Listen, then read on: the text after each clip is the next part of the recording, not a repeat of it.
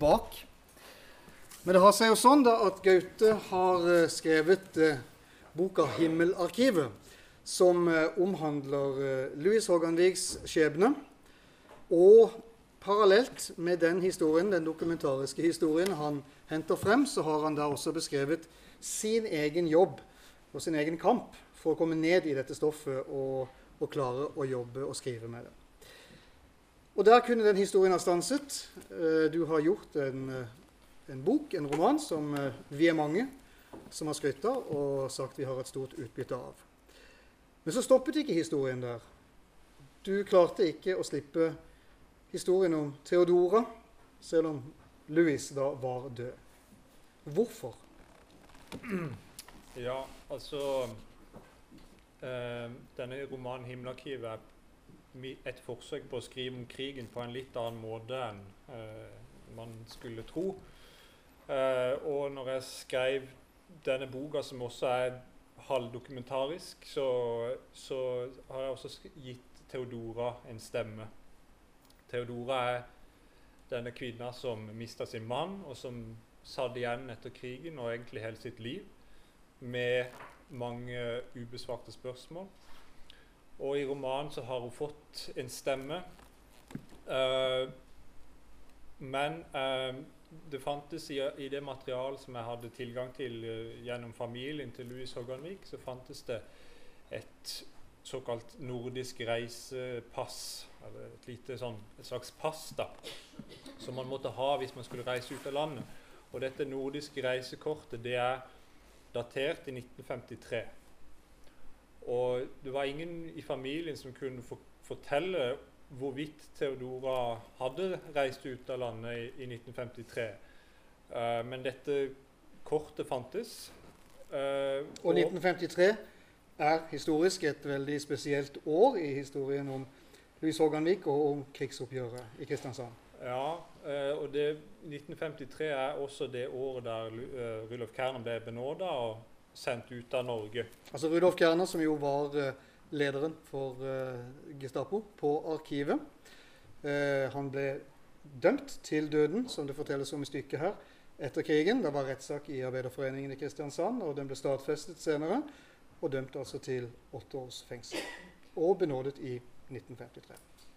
Ja, og når disse to årstallene da sammenfalt, så å si, så Og når det fantes da et på en måte et dokument som sa at Theodora har reist ut av landet, så eh, når jeg da skulle skrive et stykke omkring dette, så lot jeg Theodora dra til, eh, hjem til Rudolf Kerner for å konfrontere han med hen, hva som hadde skjedd med Louis. Så det er på en måte utgangspunktet for for, for dette stykket. Og, men, eh, mens 'Himmelarkivet' var da en halvdokumentarisk roman der, der mye er bygd eller eh, alt er bygd på, på fakta og, og, og, dokumentasjon, så er dette stykket da et steg ut i, i fiksjonen. da.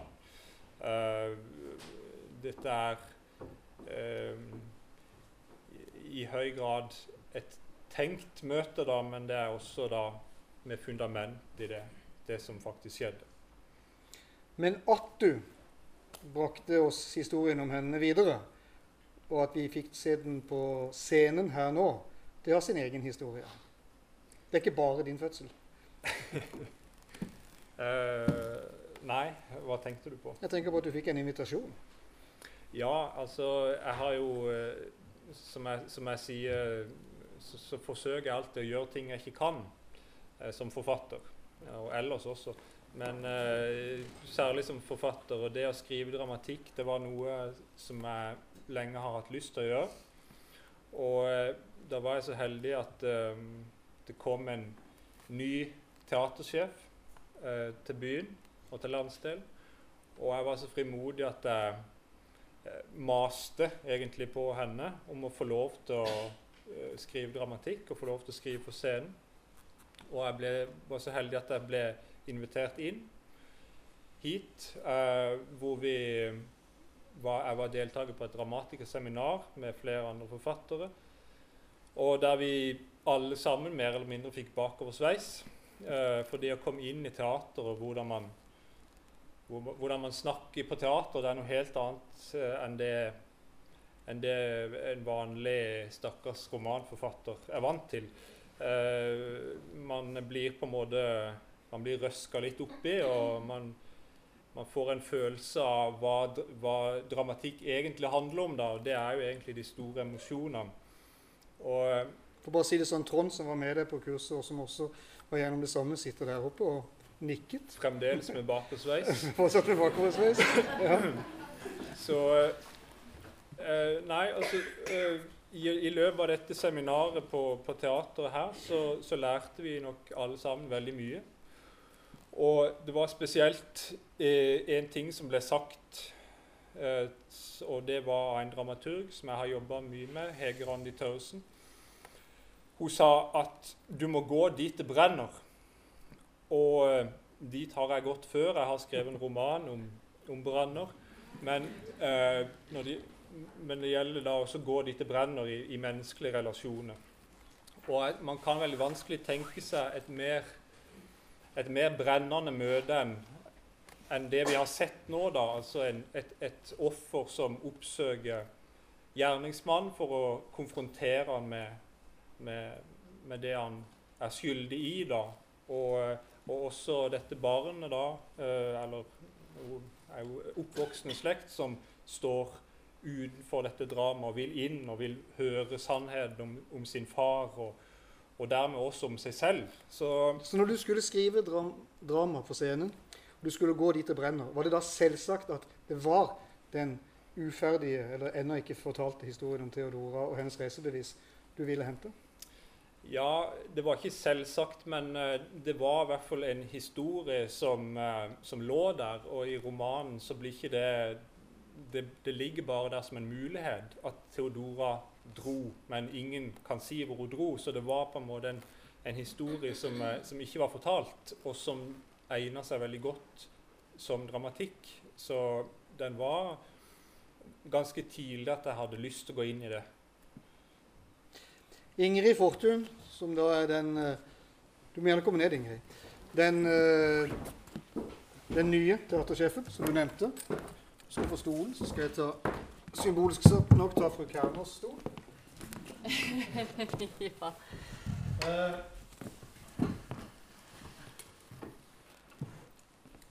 hva ville du med det når du inviterte Gaute inn, og han jeg vet ikke hvor tidlig du eventuelt gjorde det klart hva du ville skrive om.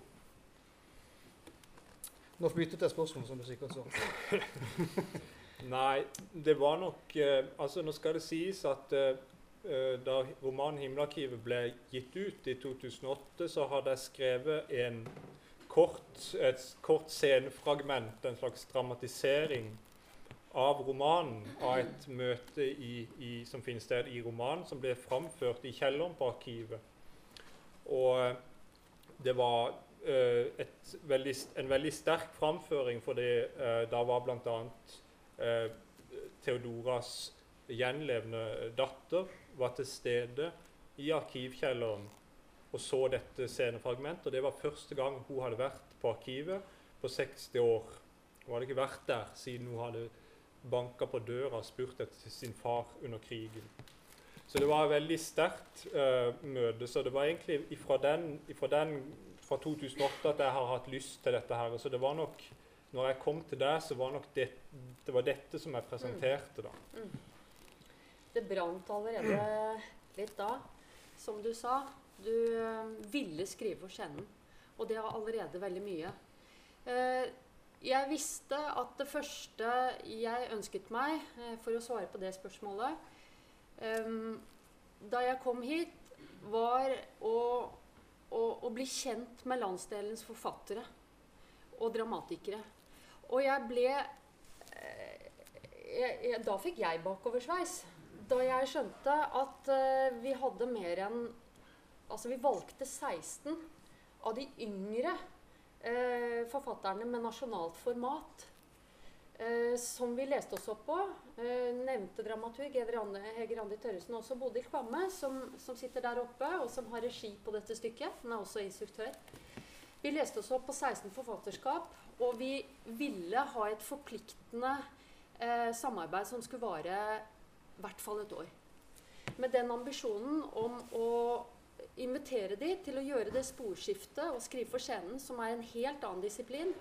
Eh, ikke så mye som å breie seg på av sider. Mye mer fortettet. Drama for scene er noe helt annet, og det er et utgangspunkt for veldig mange andre kunstnere som skal dikte inn i det fundamentet. Eh, det visste vi ikke om vi kom til å få fem sånne stykker, men det, eh, det var jo også en side av det at i det du får den kvaliteten, så begynner taksameteret og da begynner det å tikke. Da blir det dyrt å iscenesette. sant? Sånn at vi, vi kunne ikke velge mer enn fem i fall vi skulle få fem.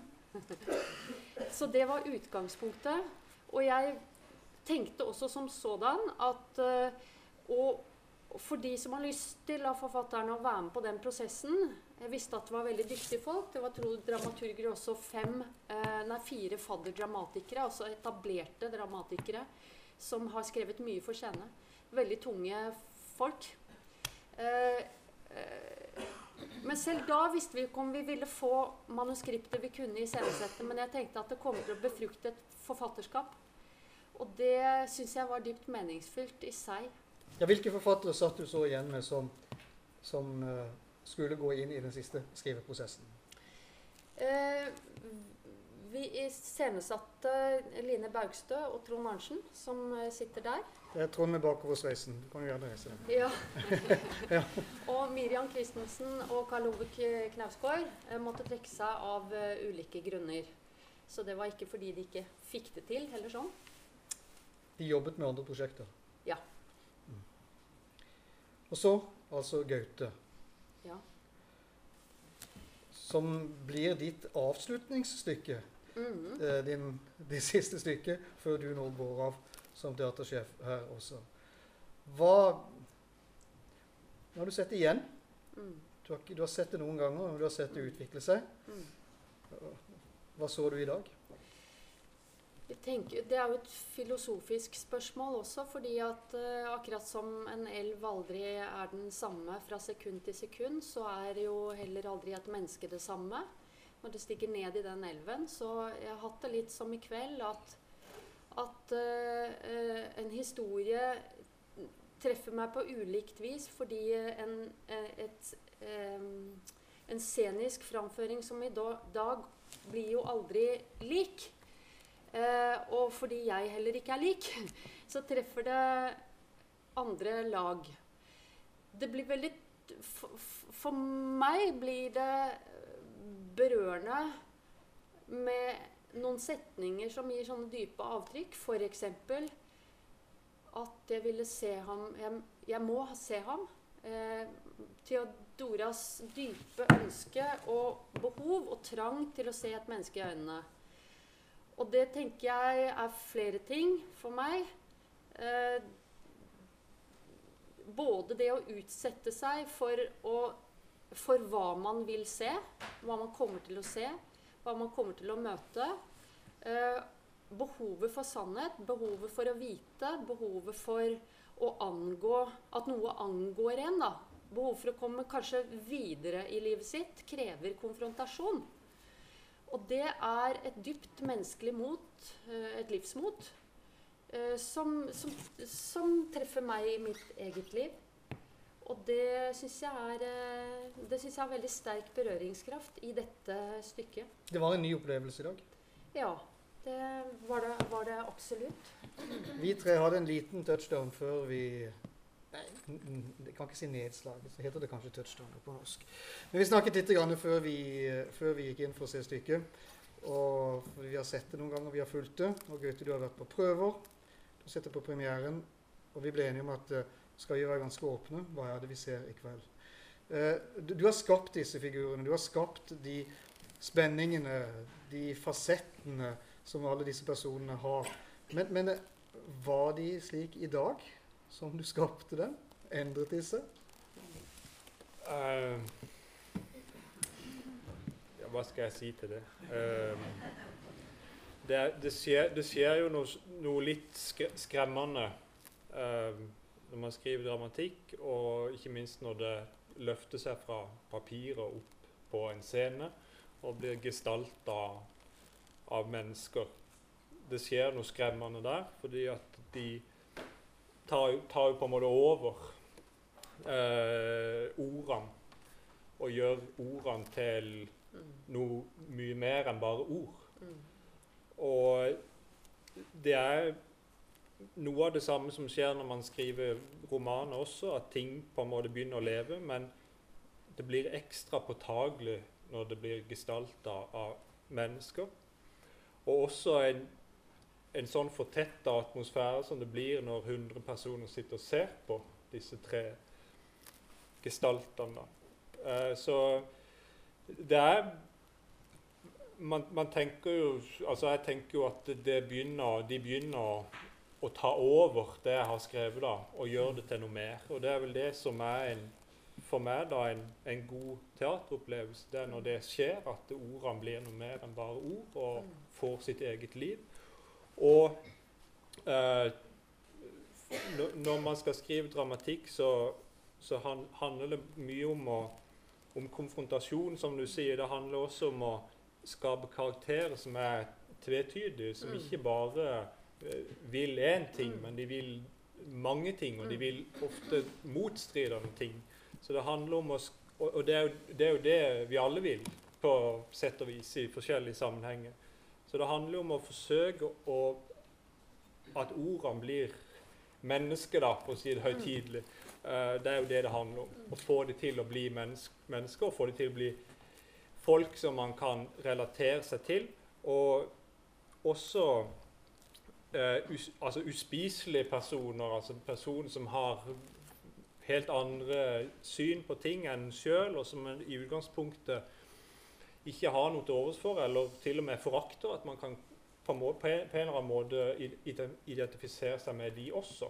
Så man eh, så, så jeg føler jo at eh, Men dette handler også ikke bare om mine ord. Dette handler også selvfølgelig om eh, alle de prosessene som er inni en iscenesettelse fra, fra regissør eh, og dramaturg, og ikke minst oss skuespillere. Så, så det er jo veldig mange eh, dyktige eh, personer som skal til for å, for å løfte dette opp, sånn at det blir levende. Men ord skal altså bli kjøtt og blod og menneske.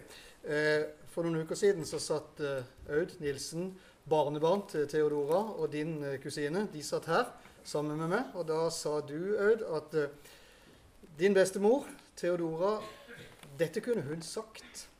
De ordene eh, som Gaute hadde funnet, var henne i kjøtt og person. Og det fryser jeg på ryggen av da, og det fryser jeg fortsatt på ryggen av.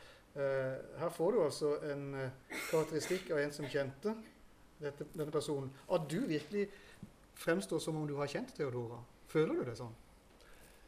Ja, altså um, å, gå inn, å gå inn i sånn historisk stoff og skrive om historiske personer er jo, uh, har jo mange utfordringer. Eh, når jeg skulle bli kjent med Theodora første gang, så, så var det i prosessen med å skrive romanen 'Himmelarkivet'. Og del, en, noen deler av den romanen foregår inni Theodora. Så det er hennes tanker da, som jeg har skrevet ut, eh, basert på fragmentet som jeg har fått fra familien, basert på ting som familien fortalte om henne, kar karakteris- kar altså ting som var særegne for henne. Og, og gjennom disse bitte små fragmentene så har jeg forsøkt da også å, å skape da en gestalt som har eh, islett av henne, men som samtidig ikke er henne. Og, men det har jeg også fått høre fra andre i familien, at når de leste romanen 'Himmelarkiv', så ble, sa de at de ble kjent de ble kjent med Theodora igjen da, på en ny måte. Eh, så dette, dette er på en måte en forfatters uh, må, eller iallfall min måte å arbeide på. Det er å, å, å bruke sånne uh, fragmenter og, og gjennom det skape da et nytt menneske, eller en ny gestalt. Og da vil det være gjenkjennelige ting, ikke sant? Men jeg har jo også uh, Jeg har fått høre at jeg er veldig god på, på eldre kvinner. Ja, vi har snakket om det før. Hva er det med deg og disse eldre kvinnene? nei, Senest din bestemors beskrivelse. ja, Jeg er inkludert i det. ja. Ja, ja. Jeg sa det fordi jeg nettopp hadde lest din siste uh, bok, og er fascinert av beskrivelsen av din bestemor. Og min samboer hun sa dette. Hva er det med Gaute og disse eldre damene? Nei, vi, vi skal kanskje ikke gå nærmere inn på det. Jo, du må gjerne. Nå tok du den. Nei, men det, dette, han, dette, er, dette er, handler jo om ikke noe annet enn om, om, om diktning, da. Dette er jo diktningens privilegium og diktningens eh, tilnærming til, til, til virkeligheten. Eh, og, og diktninga, den kan uh, gjøre sånne ting. Den kan vekke Den kan, som du sier, at det, hun kunne ha sagt det. Hun, det er som å høre henne. Det er som å Ikke sant? Um, Det er diktningas inngang til uh, og, og det er også diktningas måte å, å skape gjenkjennelse, og det, er dens, eh, og det er derfor den er så viktig. For den kan skape nemlig disse her inngangene og forståelsen og gjenkjennelsen som, som vanlige dokumenter og, og andre ting ikke kan. Så, eh, og, og hvorfor jeg er god på eldre kvinner, det vet jeg ikke. Men eh, vi har vel aldri alle en eldre dame inn, inni seg. Altså, jeg har i hvert fall det. Og, og, men jeg har også en liten gutt, og jeg har også en gammel mann. Ikke sant? Vi har alle eh, fasetter av alle, alle livets stadier, på en måte. Så det er ikke noe annet enn at jeg forsøker å ta i bruk alle disse tingene når jeg skriver. Ja, Inger? Jeg syns jo du er inne på noe her, Gaute, i forhold til mm, Altså det, det Til alle tider det menneskelige behovet for å, å forstå seg selv og, og, sine, og, de til enhver tid all, alle typer arketypiske menneskelige tanker og følelser. Og teateret befatter seg jo med å iscenesette menneskelige tanker og følelser. Og det er jo det som gjør at klassikerne som innehar dette materialet, som Ibsen f.eks., hvor det angår oss til alle tider, eh, så er det spesielt viktig at vi også får de samtidige historiene. Det som er nært oss i tid. Som kanskje er fullstendig nåtid, eller som er i vår nære samtid. Og som kan behandle for oss eh, noen kanskje traumer, eller no, noe som handler om oss også i dag. Fordi at det er relasjonelt å være menneske. Fordi at vi strever med dette alle sammen. Med å, hvor mye sannhet tør vi? Hvor mye våger vi i livet vårt? Hvor mye angår vi hverandre? Hva, hva er disse smertepunktene som vi kanskje lengter etter å, slutte fred med? Eller hva er det å komme videre i, i, i ethvert menneskeliv? Og da trenger vi den hjelpen, som enten musikken er, eller som er teateret er, eller som eh, romanen er, eller som disse historiene som, som gjør at vi kommer tett på oss selv. Når vi eh, jobbet med å pakke inn dette her og, og markedsføre stykket og fortelle dere i litt konsentrat om hva det var som vi skulle jobbe med, Ja, så hadde vi mange runder på kammeret hvor vi skulle komme ned til noen setninger og noen begreper. Og vi endte med en del av disse skal vi si, prosessbegrepene. Eh, ting som skjer. Forsoning, skyld, relasjoner. Eh, er det mulig å tilgi? Men altså, alt dette er jo da tidløse begreper. Mm. Du har knyttet, til en, ve- knytt- knyttet det til et veldig spesielt traume. Et traume for Mandals eh, befolkning knyttet til historien om Louis Hogganvik, eh, som var på mange måter en martyr i deres historie. Men en historie som er nær veldig mange års i tid. Men ønsket du å lage et tidløst stykke? Ja, det gjorde jeg. Og dette eh, Når jeg ser det nå om igjen, og når du spør hva Som du spurte tidligere, hva ser du nå? Så ser jeg vel eh, kanskje enda sterkere at dette er et også ak dagsaktuelt stykke. Og det er, vil jeg tro være aktuelt så lenge det bor mennesker på denne planeten. Så eh, i all beskjedenhet så føler jeg jo at det er eh, ikke et stykke som er knytta til 1945 eller til krigen eller til Mandal. Men at det kan være gyldig eh, til enhver tid og alle steder. Så det er jo selvfølgelig eh, min ambisjon også når jeg skriver andre ting, også at det skal være et, en universell kjerne i det jeg skriver. og Det skal ha gyldighet da, og eh, oppleves som, som viktig. Og som du sier, at det kan også gripe inn i, i, i, i, i ethvert liv og, og oppleves som vesentlig. Og den mangetydigheten som du snakker om nå, Gaute, det er jo eh, nettopp eh, det barometeret på at vi har kvalitet i et tekstlig uttrykk. da. Det har vi merket veldig godt når skuespillerne jobber eh, med materialet, når, når regissørene har arbeidet, når vi har lest det igjen og igjen, at det er, at det er rikt. At det er så mange lag av undertekst. Og så ja, rikt, rett og slett. Jeg tror jeg bruker det som den perfekte punch på en samtale. Din konklusjon. Tusen takk for at du har gitt oss et sånt stykke. Så tidløst og så utrolig bra. Takk skal du ha.